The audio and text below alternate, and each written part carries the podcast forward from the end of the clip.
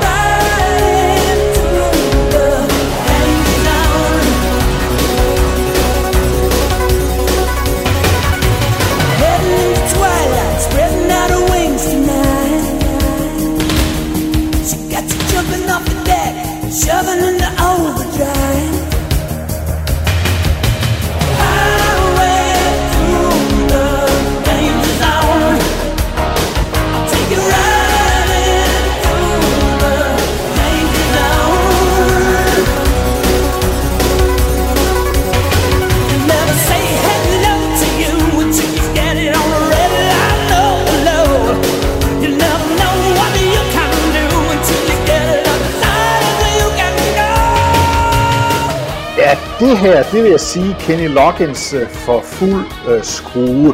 Vi er tilbage i 1986, vi er tilbage i 80'erne.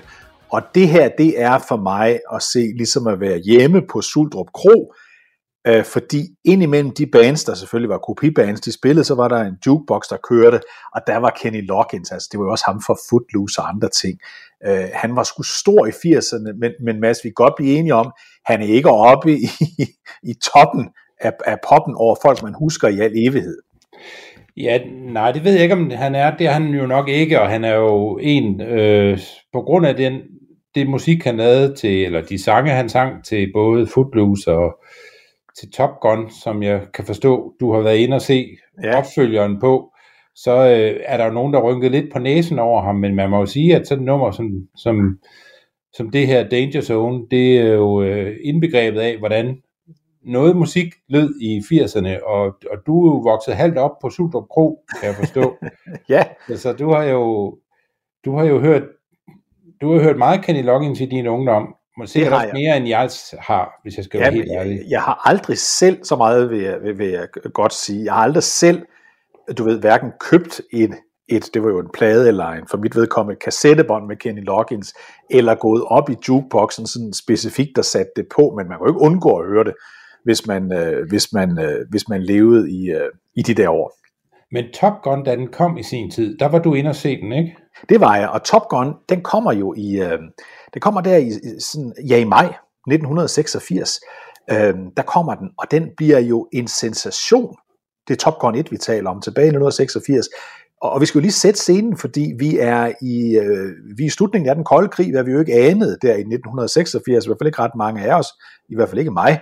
Øh, de fleste af os anede ikke, at, at den kolde krig var slut, så det her, det var sådan en koldkrigsfilm, en af de sidste, om jeg så må sige, der var masser af dem, men det blev jo sådan den store styrkeprøve mellem det gamle Sovjetunion, det ondskabsfulde Sovjetunion og alle deres ondskabsfulde allierede, og så på den anden side de her fantastisk charmerende, dygtige piloter, øh, pilotelever faktisk til at starte med, anført af øh, Tom Cruise. Så altså, det var en koldkrigsfilm, og derfor har jeg svært ved at forstå, for det du fortalte mig før udsendelsen, at det ikke var en, du så, for den faldt jo ind i rækken af de gode mod de onde, koldkrigen, Amerika mod Sovjetunionen, alt det der. Det er jo egentlig også underligt, og det medgiver jeg gerne, men jeg har aldrig set Top Gun, og jeg har heller ikke lige nogen plan om at se opfølgeren på øh, Top Gun, og det kan være, at det er et, øh, et hul i øh, min opdragelse, øh, at, at det er sådan, men jeg har aldrig været, altså, det er jo med Tom Cruise som leading man, både dengang og nu, og jeg kan forstå, at øh, han er nærmest ikke ældet et sekund, og det er alle, det er alle vi andre jo, øh, og det er jo så bare sådan det er, men jeg har, øh, jeg har aldrig valgt en film, fordi Tom Cruise var, øh, var, øh, var den, der havde hovedrollen i den. Jeg har nok i højere grad valgt film fra, hvis det var sådan, at Tom Cruise øh, var en del af, af filmen. Det er nok sandheden, og måske er det derfor, jeg aldrig har fået set Top Gun, så det bliver dig, der kommer til at bære det her øh, Top Gun-indslag øh, ja, igennem, skal. fordi det er, det, jeg kan ikke byde ind med meget andet end at medgive, at jeg har jo, jeg var meget begejstret for Rocky-filmene i den her ja. periode, som jo øh, i hvert fald en af dem også har det her koldkrigs. Og Rambo-filmene. Ja, ja, og, og, og ja, Rambo med Sylvester Stallone har jo også øh, en, en af dem, hvor han skyder halvdelen af nordiske her, og så videre. Så der er, jo, der er jo alle mulige grunde til at kunne have set den, men der er altså meget store film, som jeg aldrig har fået set. Titanic har jeg heller aldrig fået set, øh, og kan, må derfor altid sådan øh, med det pas, når øh, det kommer til dybe analyser af, af Titanic, og sådan har jeg det også med Top Gun. Men du, David, ja. du øh, fandt din, fandt, altså var det som at være tilbage på Suldrup Kro, da du øh, så Top Gun 2 her den anden dag? Øh, det, det foregik jo i Hellerup, så, så der var ikke øh, der, der var i noget, der hedder Movie House, og det vil jeg sige, det er sådan et sted, hvor man får serveret sushi og, øh, og, og hvidvin, det fik vi altså ikke i, øh, i, i Sultup Kro, der fik vi sodavand og en pose slik, det var vist, hvad man kunne få, så vidt jeg husker. Men, og, og, og vi havde træsæder, havde, havde de meget, meget fine sæder på i biografen i, i Hellerup, så det var lidt noget andet, men, men det, der var interessant, Mads, det er derfor, jeg synes, vi skal tale om den i dag, det er, at hvor Top Gun 1 i sin tid, det var en, en, en triumferende film. Det var en film om, hvordan amerikansk øh, øh militær isenkram, i det her tilfælde kampfly, øh, var deres øh, arvefjende Sovjetunionen fuldkommen overlegen. Altså de var simpelthen dygtigere, piloterne var dygtigere, isenkrammet var dygtigere, så den hårde magt, USA's hårde magt, den var suveræn i forhold til den, den, den på det her tidspunkt aldrende sovjetiske modstander. Men også på den bløde magt, der var det også en interessant film, fordi det var jo sådan en film, hvor man kunne se, at de her øh, piloter anført af, som du sagde, Tom Cruise, de havde jo et, et, du ved, sådan et pragtfuldt kammeratskab. De var ved under, det var sjovt at være i den by, de, de, de boede i, alt var sket, alt var sjovt. Øh, så det var sådan en, en, en dobbelt sejr for Amerika dag 86. Både har vi det bedste militær, vi har også det bedste liv. Så det var både den hårde og den bløde. Og så kommer den nye her, øh, som altså hedder Top Gun Maverick. Og Maverick, det, det er navnet på Tom Cruise, og Maverick husker vi jo også for eksempel, det var tilnavnet på, øh, på John McCain, som vi jo ofte har talt om. Øh, øh, nu afdøde John McCain, det betyder noget i retningen af enspænderen. Øh, og, og han var også øh, jægerpilot.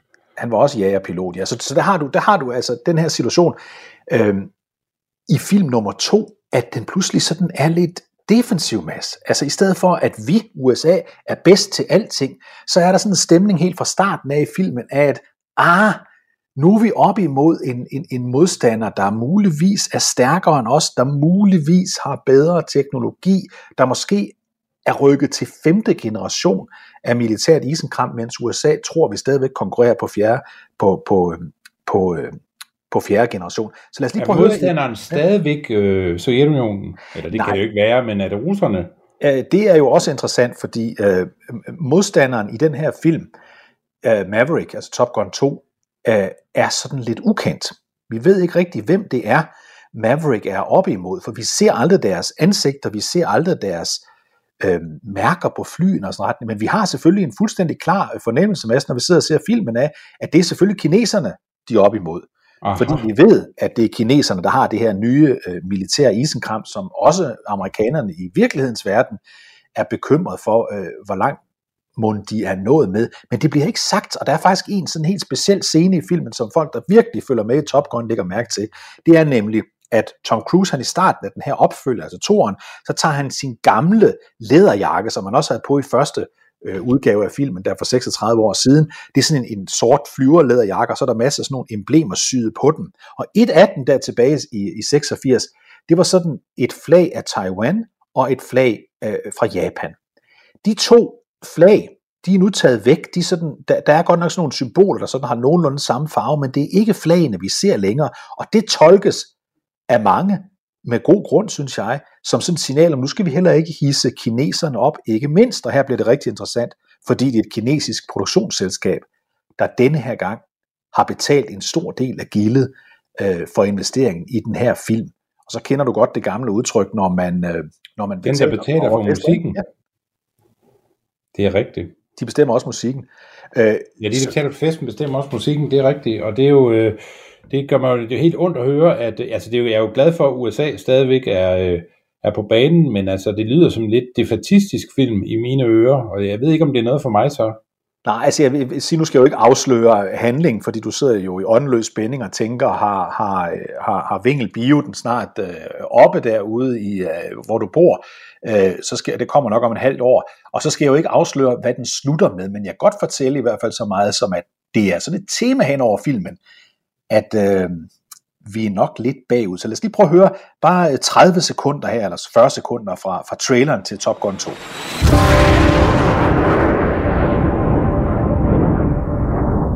Your instructor is one of the finest pilots this program has ever produced.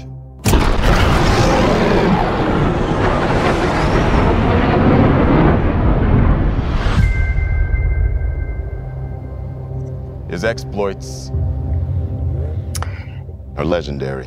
Ja, det vi kan høre, øh, Mads, her i starten, det er simpelthen, at Tom Cruise han bliver introduceret øh, for de unge soldater, fordi han er 36 år, hvor han efter at den første film, hvor han altså stadigvæk bare er almindelig pilot, aldrig er steget i graderne, så kommer han ind, fordi de har en særlig svær opgave, hvor de skal være op imod den her øh, ukendte modstander. Men der er også en scene der i, i, i traileren, hvor Ed Harris, skuespilleren Ed Harris, der spiller sådan chefen for udvikling i uh, The Navy her, han siger til, til Tom Cruise, du er for gammel, du er fortiden, piloter er fortiden, nu er det droner, og vi skal passe på den her fjende, der kører i, i femte generation.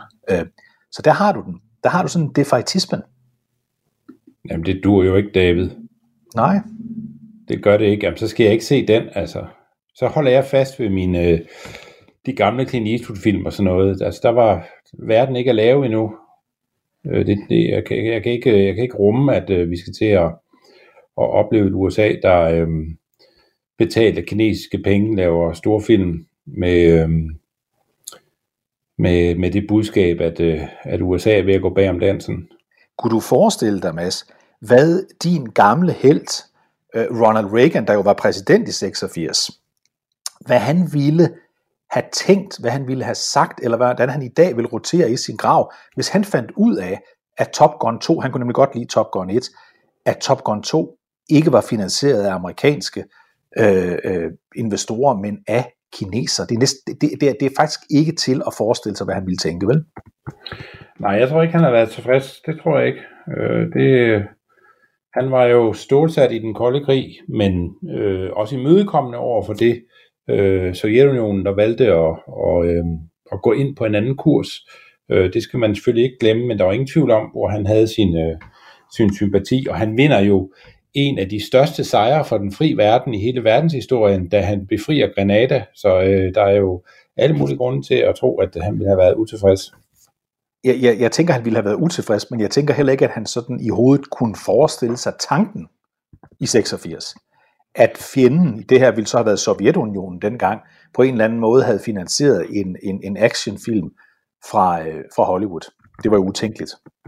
Ja, fuldstændig. Dengang, da Reagan var... Altså, man har altid haft øh, bekymringer over, øh, hvad der sker i Stillehavet også, og de er større i USA, end, end de er i Europa. Man følger mere med i det øh, i øh, USA, fordi man jo også er en stillehavsnation, kvæg sin, øh, sin geografi, men i Reagans tid, der var det jo ikke kineserne, man var nervøs for. Der var det japanske opkøb af virksomheder på den amerikanske vestkyst, og især i Kaliforniens område, som var noget, man bekymrer sig meget over. Så, øh, så kineserne var slet ikke rigtig på radaren i sin tid.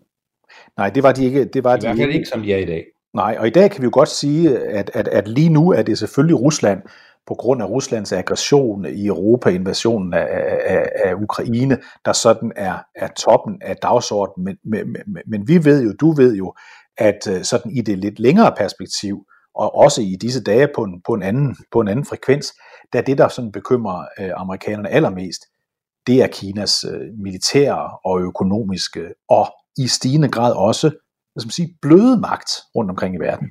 hvor man kan sige, at vi i Europa har meget fokus på alt det, der sker i Ukraine, og det har man bestemt også i øh, USA.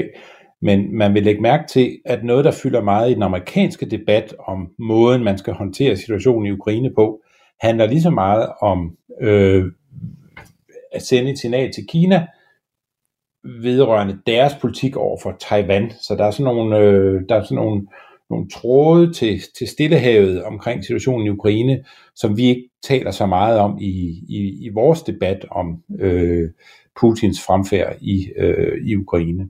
Apropos Putin, øh, så lad os lige prøve at få et lille klip her. Vi skal nok gøre det kort øh, til 12-15 sekunder, fordi det foregår på russisk.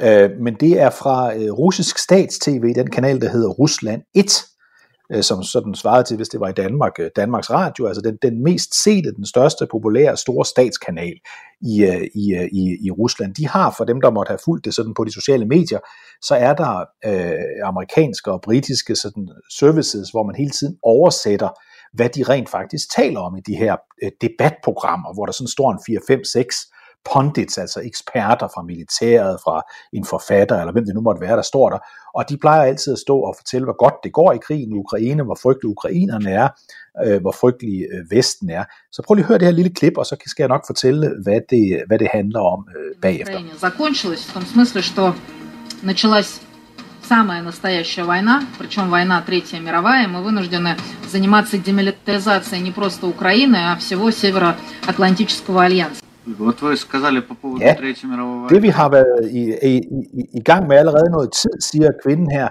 det er, at vi har været i gang med, med, med, med ned, at nedrustning, demilitarisering af Ukraine med vores særlige operation. Nu er vi nødt til også, siger hun så, og alle står og nikker og siger ja, nu er vi nødt til også øh, at afmilitarisere øh, Vesten, NATO. Vi er nødt til at, at, at, at forberede os på, at, øh, at vi skal ind og komme i krig med Polen, USA, Storbritannien og alle andre, som det lyder her. Øh, og det kan være, at vi skal forberede os på 3. verdenskrig, siger hun. Og vi skal jo vide, at når hun står og siger sådan noget, og de andre, der står i det program, siger sådan noget, ja, så er det dels med ført hånd, fordi hvis ikke de siger det, der bliver sagt, så, så bliver de fyret. Men vi ved også, at øh, det derved også på en eller anden måde er trusler, der også øh, kommer fra, fra Putin, fra Kreml. Vi har i hvert fald ikke, øh, altså du, du siger det jo meget præcist, David, at øh, Putins kontrol over det russiske samfund er jo især en kontrol over russiske medier. Så når der bliver sagt ting, som det der bliver sagt i det her tv-show, som jo, hvor man jo siger med altså usvigelig sikkerhed hver eneste uge nye vanvittige ting om, hvordan de opfatter verden, så er det jo klart, at det er noget, der er afstemt med, øh, med Kreml øh, og med Putins øh, ønsker. Og det er jo tydeligt, at Putin ønsker, at vi skal have en, øh, en frygt i Vesten for, at hvis vi blander os, så går det meget mere galt, end det gør lige nu. Og det er jo nok også et spejl af, at det ikke går helt, som det har regnet, som russerne har regnet med i øh, Ukraine, og de er øh, trætte af, øh, at, øh, at, at der er så mange, der bakker Ukraine op, og på en eller anden måde skal vi så skræmmes til, at øh, der kan komme en reaktion, vi slet ikke kan, kan overskue. Og det er jo sådan en, man kan næsten kalde det sådan en madman theory, altså at, at de skal være så, øh, vi skal være så bange for, øh, hvad Putin kan finde på, at, at vi giver ham lov til at gøre øh, sit arbejde færdigt i øh, Ukraine, uden at vi bistår Ukraine. Jeg tror, det er det, sådan nogle indslag her skal, skal hjælpe til med. Og, og Mads, vi, nu skal, vi vender lige tilbage til USA's rolle om et øjeblik, men lad os lige tage en lille bitte detur ind i Europa, fordi vi ved jo, at sikkerheden i Europa, ja, den skal vi enten selv sørge for, eller også så skal amerikanerne sørge for den, eller også så skal vi sørge for den i fællesskab. Og der er, er, mange kræfter i Europa, der, der, der taler om, at vi må forberede os på, at vi selv skal klare det hele og alt det der. En af dem, store ledere i Europa, der tror jeg lytter til den her udsendelse, Øh, det er jo den franske præsident Macron, fordi han var jo ude at sige forleden, at nu skal vi passe på, at vi ikke ydmyger Putin. Og hvorfor siger han det? Ja, det siger han jo nok blandt andet, fordi han tænker, hvis nu vi ydmyger ham, så kan det være, at han pludselig får lyst til at bruge sine atomvåben, og så har vi pludselig 3. verdenskrig. Så er det ikke bedre at dæmpe os lidt ned, stikke halen mellem benene, slappe af, få lavet en fredelig løsning derover, hvor han får noget land, altså med andre ord, hvor han får noget ret.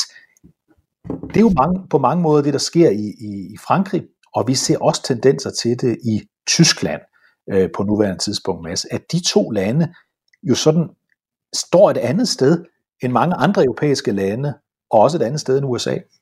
Det må man sige et helt andet sted end USA står, og jeg skal også gerne flage her, at de står et helt andet sted, end hvor jeg, hvor jeg selv står. Jeg, jeg, man taler også om det her med, at man skal skabe en afkørselsrampe for Putin, så han ikke, øh, så han kan komme ud af alt det bøvl, han har skabt. Men altså, og jeg for, men jeg forstår ikke det argument med at ydmyge. Putin kan jo, han kan jo stanse, når han vil.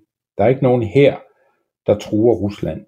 Der er ikke nogen her, der øh, myrder russiske civile, eller stjæler deres børn og bortadopterer dem.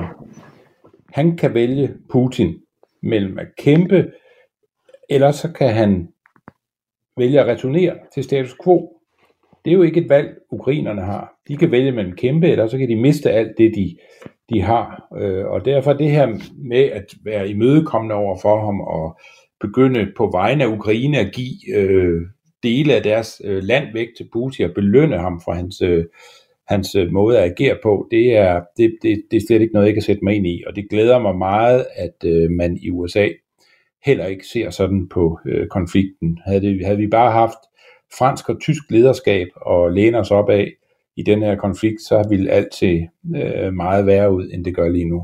Ja, fordi det er lige det, det, jeg egentlig gerne vil frem til. Hvad nu hvis? Hvad nu hvis vi havde fået den virkelighed, at, øh, at øh, USA på en eller anden måde havde sagt, øh, I må sejle jeres egen sø øh, i Europa, I må klare jer selv, øh, vi er ikke med længere. Altså enten at vi ikke er med i den her konkrete konflikt, eller at vi slet ikke er med i NATO, som nogen af os er til øh, at tale om, kunne forestille, at man kunne forestille sig, at der vil ske i fremtiden. Så ville vi have haft, som du rigtig siger, øh, Frankrig og Tyskland. Vi ville selvfølgelig også have haft Storbritannien, skal vi huske på. Men altså mellem, mellem to store lande øh, i Europa, Frankrig og Tyskland, der vil vi have en helt anden kurs, selvom Scholz, den tyske kansler, jo her i dag eller i går, øh, overraskende nok har sagt øh, på, på tysk tv angiveligt, at øh, vi er dem, der hjælper allermest. Øh, og det er, jo, det er jo ikke noget, resten af Europa kan genkende, at Tyskland er dem, der hjælper allermest. De, de siger i hvert fald hele tiden, at de gerne vil hjælpe, og så går der, er der gået lang tid, øh, hvor de ikke har, har sendt noget. De har sagt, at de vil sende mere til Ukraine, men har i realiteten ikke rigtig sendt større våbenleverancer til Ukraine siden marts måned. Så det, det glæder mig da, hvis de får fingeren ud og får øh, hjulpet ukrainerne med at, øh, at forsvare deres, deres eget land. Og det er jo klart, hvis man ikke havde USA i NATO, så ville der stadigvæk være to meget forskellige fløje i øh, NATO, der, vil, der ser meget forskelligt på konflikten. På den ene side har man Macron og øh, tyskerne, der, øh, der synes at være meget mere eftergivende over for Putins krav, og på den anden side så har man Polen og Estland og Danmark og helt sikkert også Sverige og Finland, når de kommer ind. Øh, og de lande i Centraleuropa... Storbritannien. Storbritannien. Øh, som, som øh, ja, Storbritannien bestemt også. Ja. Øh, det, det, jeg så Zelensky var ude og glæde sig over, at man stadigvæk har Boris Johnson ved roret øh, i øh, Downing Street, fordi man har fået så meget hjælp fra, fra Storbritanniens side. Så, så der er jo en, en, en, en, en kløft i NATO øh, over det her, øh, og, øh, og den kløft øh, er, er det jo rart at have, der er det jo rart at have USA i sit ringhjørne, og som du siger, hvis man så tager USA ud af den ligning, så tror jeg ikke, det vil få nogle af de andre lande, der føler, at de øh, er de næste i russernes sigtekorn til at, øh, at give køb på deres opbakning til øh, Ukraine. Det er jo en, en, en ret, øh, ret usædvanligt, at, øh, at vi har oplevet den, det, det er meget materiel, som, som ret små lande i, øh, i, øh, i NATO-samarbejdet øh, har været villige til at bidrage med. Lad os lige prøve at, at, at, at markere en anden øh, øh udenrigspolitisk begivenhed af de helt store, øh, nemlig øh, den, altså den helt afgørende beslutning, som USA kommer med i kølvandet på, på 2. verdenskrig, hvor Europa efter krigens ødelæggelse ligger i ruiner. Et af de lande, der ligger mest i ruin, ruiner, er selvfølgelig øh, det daværende øh, Vesttyskland. Men her går USA ind øh, og laver det, som alle kender i dag som Marshallhjælpen. Lad os lige prøve at høre et, et lille klip fra, fra, fra datidens tv om øh, amerikansk tv om Marshallhjælpen. We have given much aid to the impoverished peoples of Europe on simple humanitarian grounds. But as a countermeasure against the attempt by the Soviet Union to communize Europe, the American people saw the necessity for cooperating with the non-communist countries in a comprehensive bipartisan European recovery program passed by Congress and here being signed by President Truman. This program, known also as the Marshall Plan, is designed to afford eligible nations that margin of help in credit and materials which they need to bring their overall economy back to health. Secretary of State Marshall, in placing the plan before Congress, stated, Why must the United States carry so great a load in helping Europe? The answer is simple. The United States is the only country in the world today which has the economic power and productivity to furnish the needed assistance. The six and eight tenth billion proposed for the first 15 months is less than a single month's charge of the war. To be quite clear, this unprecedented endeavor of the new world to help the old is neither sure nor easy.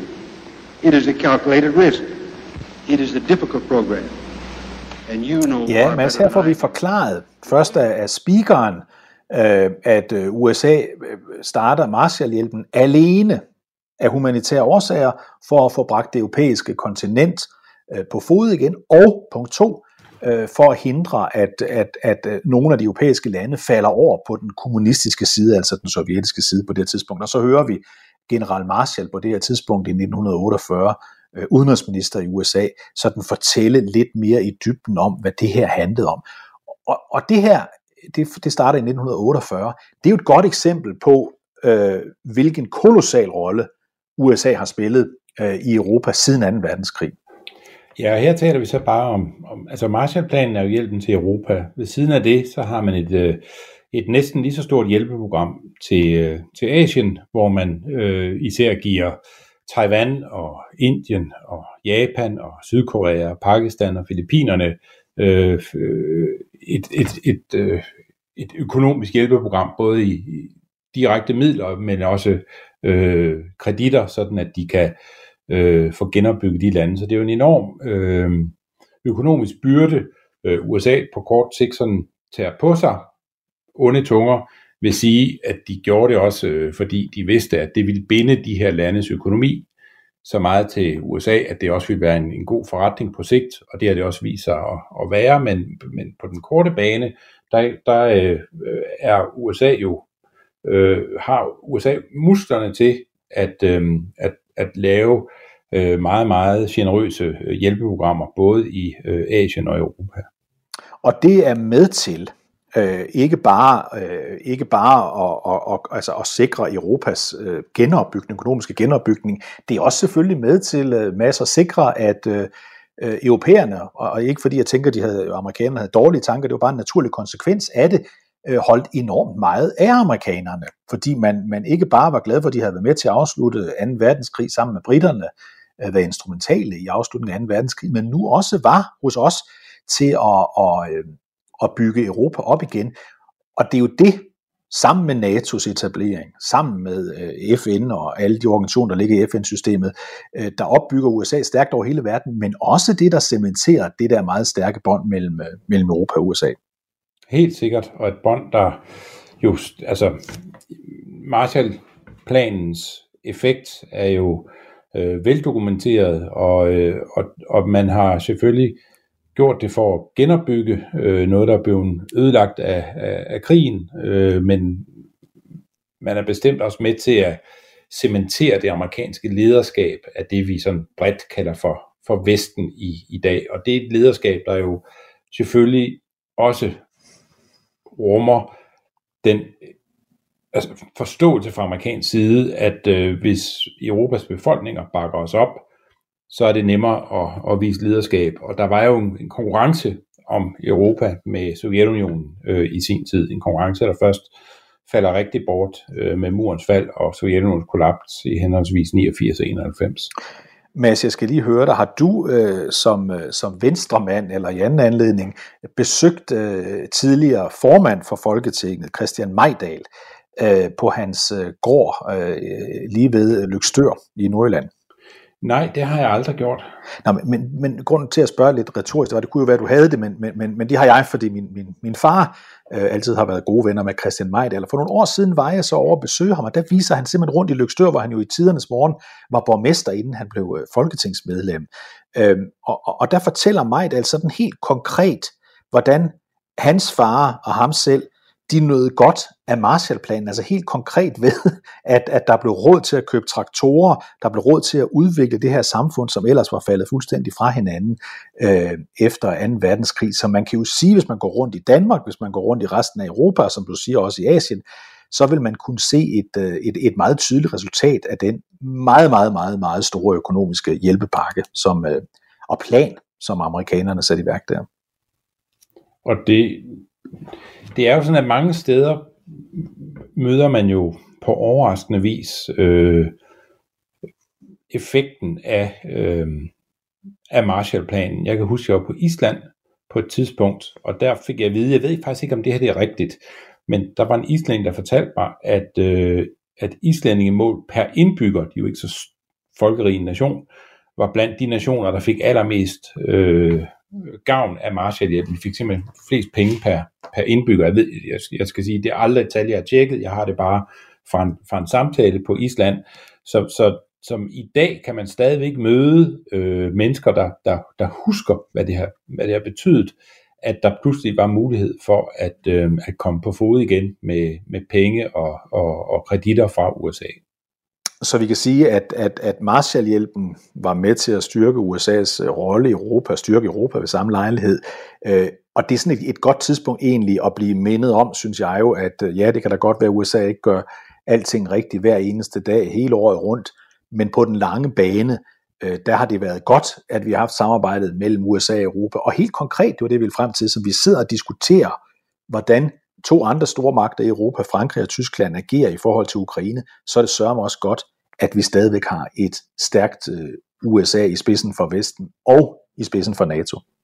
Noget, der er lidt interessant med Marshallhjælpen, er jo, den er jo, som man kan høre på navnet, så er den jo øh, opkaldt efter George C. Marshall, øh, der øh, er øh, blandt andet forsvarsminister øh, i øh, noget af den periode, hvor øh, Marshallhjælpen bliver øh, rullet ud og er øh, sekundær øh, Truman, som jo er, bliver præsident i USA i 45, og er den, der øh, er med til at, øh, at beslutte, at der skal komme en Marshallhjælp. Og man kan så undre sig over, hvorfor hedder det ikke Truman-hjælpen? Hvorfor, hvorfor hedder det Marshallhjælpen? Det er jo trods alt Truman, der tager det politiske ansvar for, at, øh, at, at det er det her, man skal beslutte sig for at, at gøre. Og her skal man huske, at Marshallhjælpen er utrolig populær der, hvor man fik pengene, den var knap så populær der, hvor man tog pengene fra. Det var bestemt ikke alle amerikanere, der øh, bakkede op om, at øh, man skulle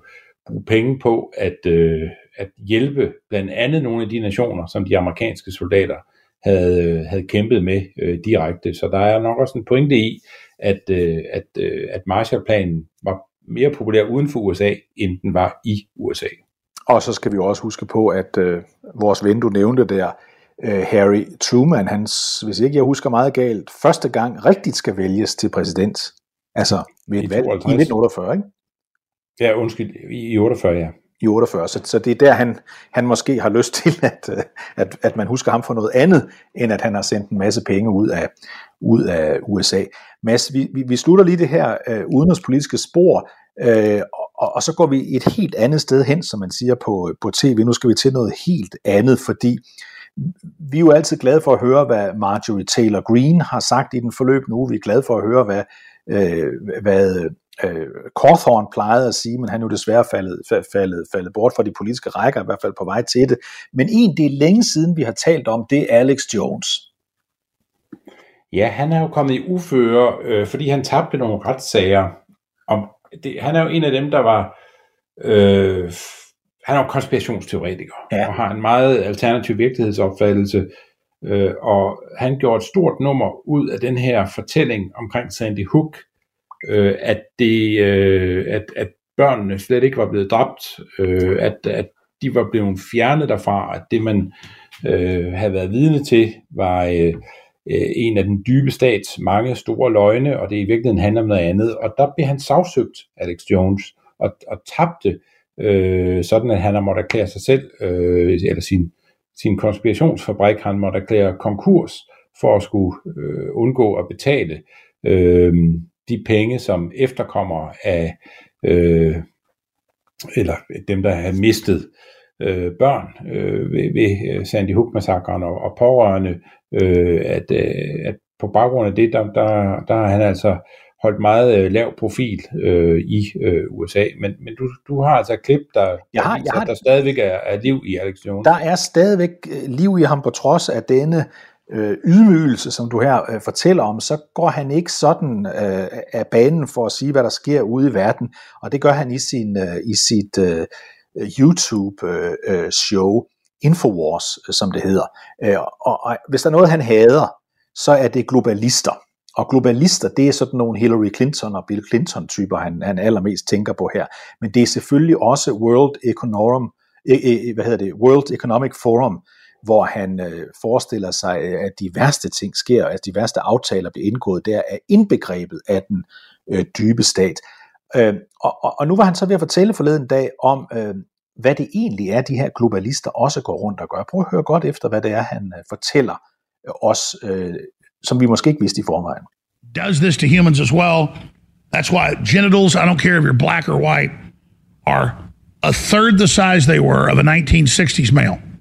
So the media makes jokes about that a few months ago when I gave the example of, you know, if your daddy's Johnson was a foot long, yours is six inches long. And if yours is yours was six inches, your son will be three inches. And the one with them won't even have a penis. So can make jokes about that all day long, but this isn't a game. And you can say, okay, well, who cares? Well, we're sterilized. And the sperm counts are down 96%. Ja, det, altså det han jo siger, vi skal lige være opmærksom på for dem, der måtte tænke, hvad er en Johnson? Uh, en Johnson, det er en... Det er en tissemand. Det er en tissemand, ja. Øh, det er en Johnson.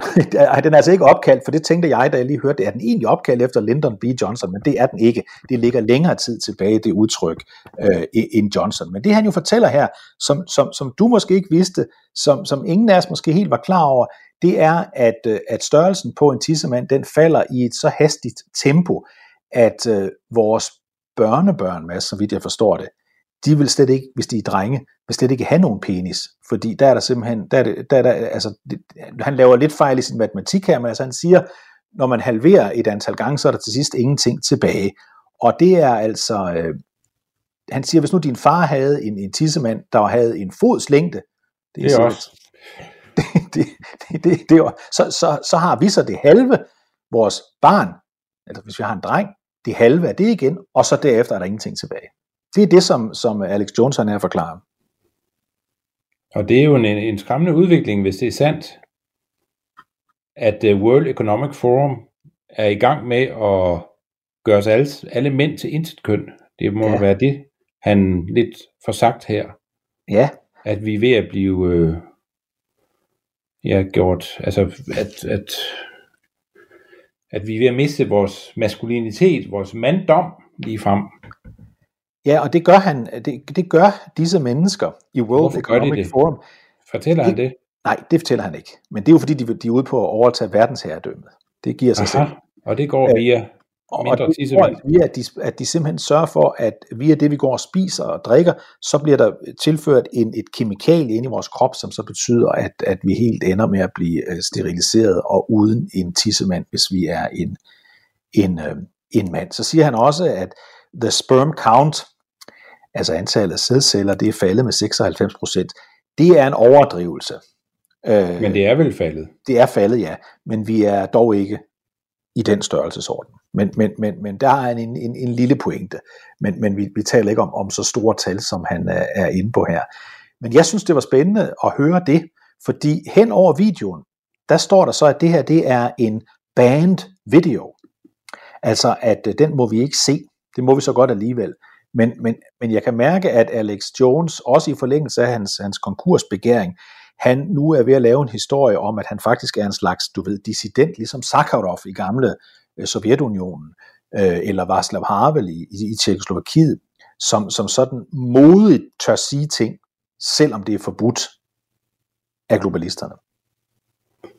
Og jeg kan jo fornemme, nu har jeg lige været igennem en valgkamp øh, om EU-forbeholdet, og de her, øh, der bekymrer sig for World Economic Forum, det er sådan øh, det nye øh, slag, den nye slagvare blandt konspirationsteoretikere, øh, som, som man får mange, mange henvendelser, og meget i sin indbakke, der handler om World Economic Forum.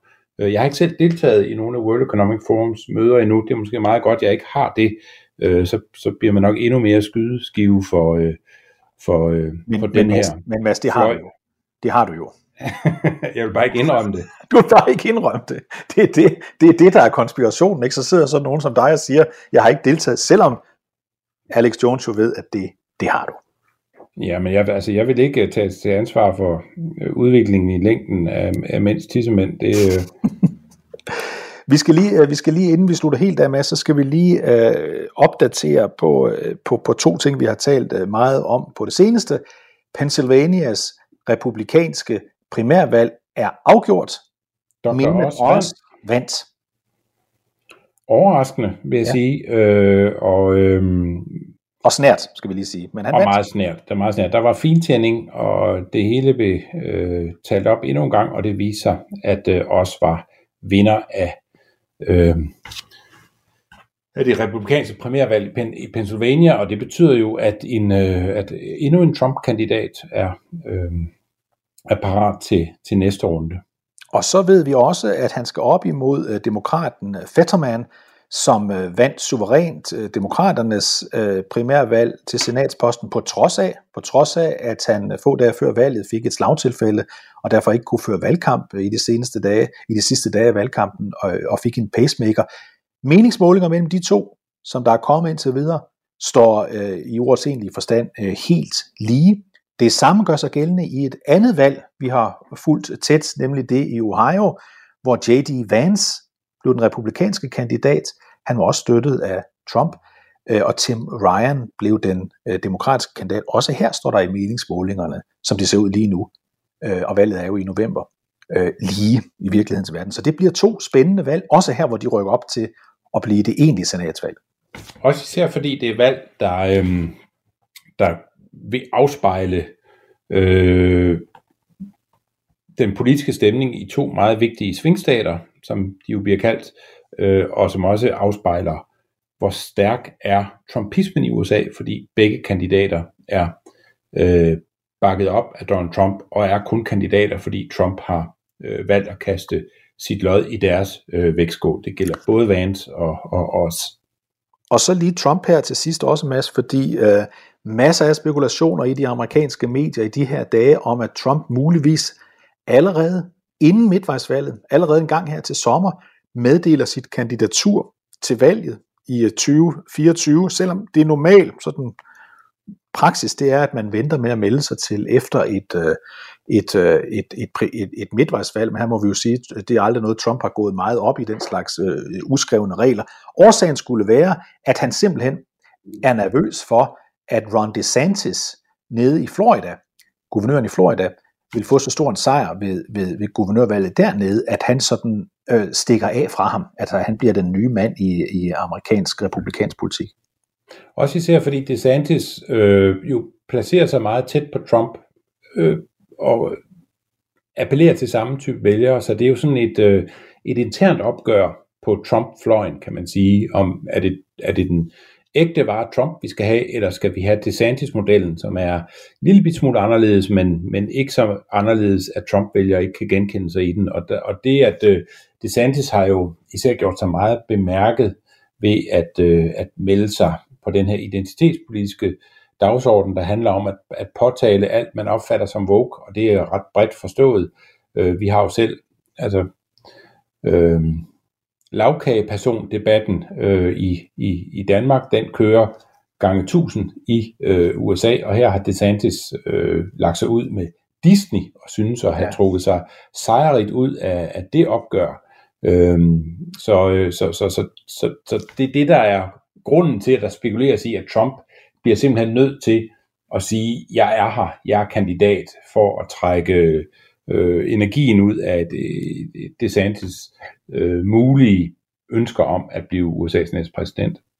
Og så skal vi også lige, jeg synes, det er meget interessant at se på, hvordan øh, eksempelvis, uden at tale ret meget om, om, øh, om, om Dr. Oz oppe i Pennsylvania, men måden, hvorpå han valgte, han vandt øh, valget, mindede jo om den måde, som Trump i sin tid vandt øh, primærvalget hos republikanerne øh, på, nemlig ikke ved at få over 50 procent af stemmerne, ret tit i hvert fald, men ved at få de der øh, lige akkurat flere end nummer 2 og 3 og 4, sådan som man øh, vinder, sådan som man den, der får flest, man behøver sådan cirka opbakning fra en tredjedel af de republikanske vælgere, for at kunne vinde, hvis bare man kan holde den der tredjedel. Næsten Ja, vinde primærvalget. Skal primærvalget, undskyld, at man, hvis man vil ved med at gøre det på den måde.